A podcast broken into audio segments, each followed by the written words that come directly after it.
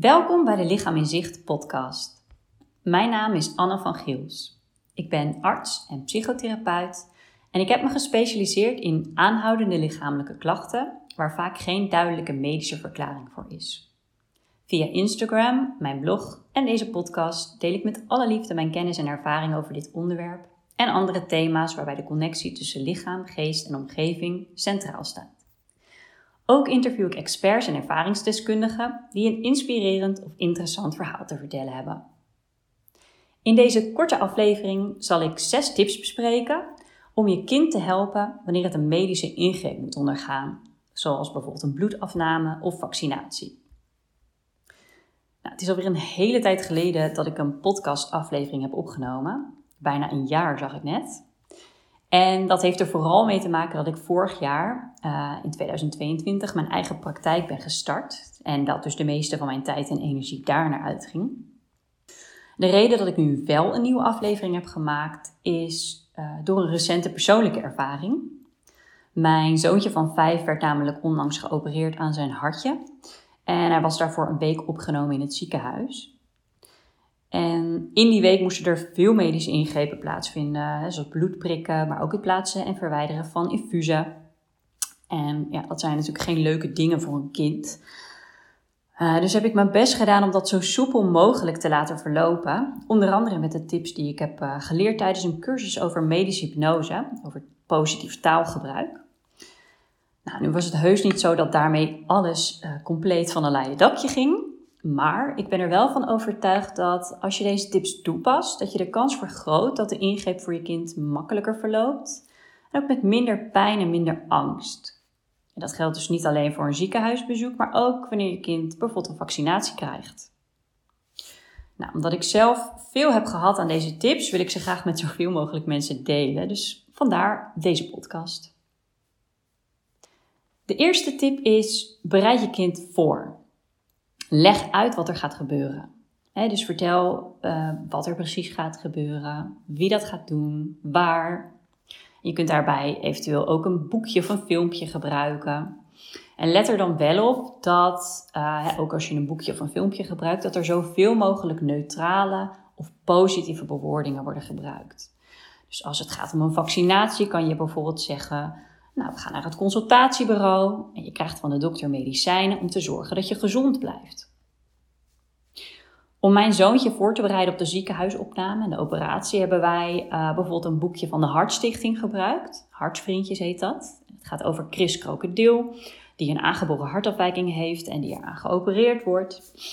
En um, in dat boekje wordt met plaatjes en op het niveau van een kleuter uitgelegd wat er dan tijdens zo'n ziekenhuisopname allemaal gebeurt.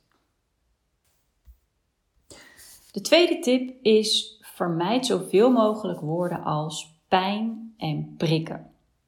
Want wanneer je dingen zegt als het gaat even pijn doen, of tijdens de ingreep hier komt de prik, kan dat juist meer angst en pijn geven. Dat komt omdat je daarmee al de verwachting creëert dat het pijn gaat doen. En je kind is daardoor meer gefocust op wat er gebeurt en gaat zich waarschijnlijk ook schrap zetten. Een prik in een arm die gespannen is, doet per definitie meer pijn, Um, en de aandacht vestigen op de prik en de pijn zal waarschijnlijk ook alleen maar zorgen voor meer spanning en pijn. Nou, toch gaat het voor veel ouders en zorgverleners uh, tegen hun intuïtie in om dit niet te zeggen, omdat ze graag eerlijk willen zijn tegen het kind. Um, als, dat je, als dat voor jou ook zo geldt, denk ik uh, dat het belangrijk is om je enerzijds te beseffen dat jij niet weet of iets pijn gaat doen. En jij weet niet hoe jouw kind iets gaat ervaren of wat jouw kind gaat voelen. Een prik hoeft namelijk niet per se pijnlijk te zijn. Zeker niet wanneer er bijvoorbeeld gebruik wordt gemaakt van verdovingszalf, wat ze in veel ziekenhuizen tegenwoordig bij kinderen gebruiken, en wanneer het kind ontspannen is. Plus, je hebt wel eerlijk verteld wat er gaat gebeuren, maar het helpt gewoon niet om al van tevoren in te vullen dat het pijn gaat doen. En stel nou dat je kind ernaar vraagt, en dan kun je ook bijvoorbeeld zeggen: Ik weet niet hoe het voor jou gaat voelen. Vertel het me straks maar. Tip 3 is: leid je kind af. Tijdens de ingreep helpt het enorm wanneer je de aandacht afleidt van de ingreep. En dat kan je doen met een filmpje, met een spelletje, een boek of uh, nou, gewoon door te kletsen over iets leuks. Kies vooral iets waarvan je weet dat jouw kind daar helemaal in op kan gaan. En als het goed lukt, kan het maar zo zijn dat je kind er niet eens wat van merkt dat hij geprikt wordt. dus wat je bijvoorbeeld kan zeggen tegen je kind als het tijd is, uh, als het tijd is voor de prik. Uh, is dan zeg je, kom, wij kijken Peppa Big. Dan kan de dokter zijn of haar werk goed doen. En dan, dan, kun je wat vragen stellen ook, zodat je helpt je kind om de aandacht erbij te, te houden. Hé, hey, wat zie ik daar? Of hey, wat zijn ze aan het doen? Um, de vierde tip is één stem. Om voor rust en gerichte aandacht te zorgen, helpt het wanneer er tijdens de ingreep maar één persoon tegen je kind praat. En dat kan jij zelf zijn, maar dat kan ook de zorgverlener zijn. Het is dan natuurlijk wel handig om van tevoren even af te spreken wie dit het beste kan doen. Tip 5. Rustig ademhalen. Moedig je kind aan om rustig door te ademen. Langzaam in via de neus en rustig uit via de mond. Je kan het ook voordoen en zeggen: blaas maar lekker uit. Dan gaat het nog beter. Dat helpt om ontspannen te blijven. Ook voor jezelf trouwens, als je het zelf spannend vindt. Tip 6 is benadruk na afloop wat er goed ging. Geef je kind een compliment. Dat vergroot het vertrouwen voor een volgende keer. En zeg dus bijvoorbeeld van, wat heb je goed stilgezeten? Ook als je kind de ingreep wel als er vervelend ervaren heeft, focus daar dan niet al te veel op. Nou, als jij gaat zeggen, oh het was ook naar, hè? hè, jeetje wat vervelend. En je gaat daar helemaal in mee, dan is dat waarschijnlijk hetgeen wat beklijft. En je kunt ook zeggen, ik heb je gehoord.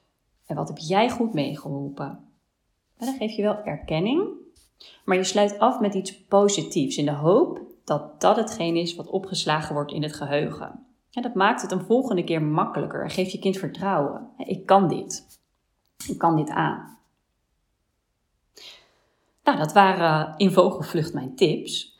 Laat me vooral weten of je daar wat aan hebt gehad of uh, hoe jij hier tegenaan kijkt.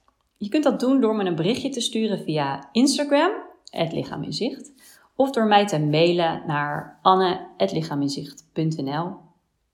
Tot een volgende keer.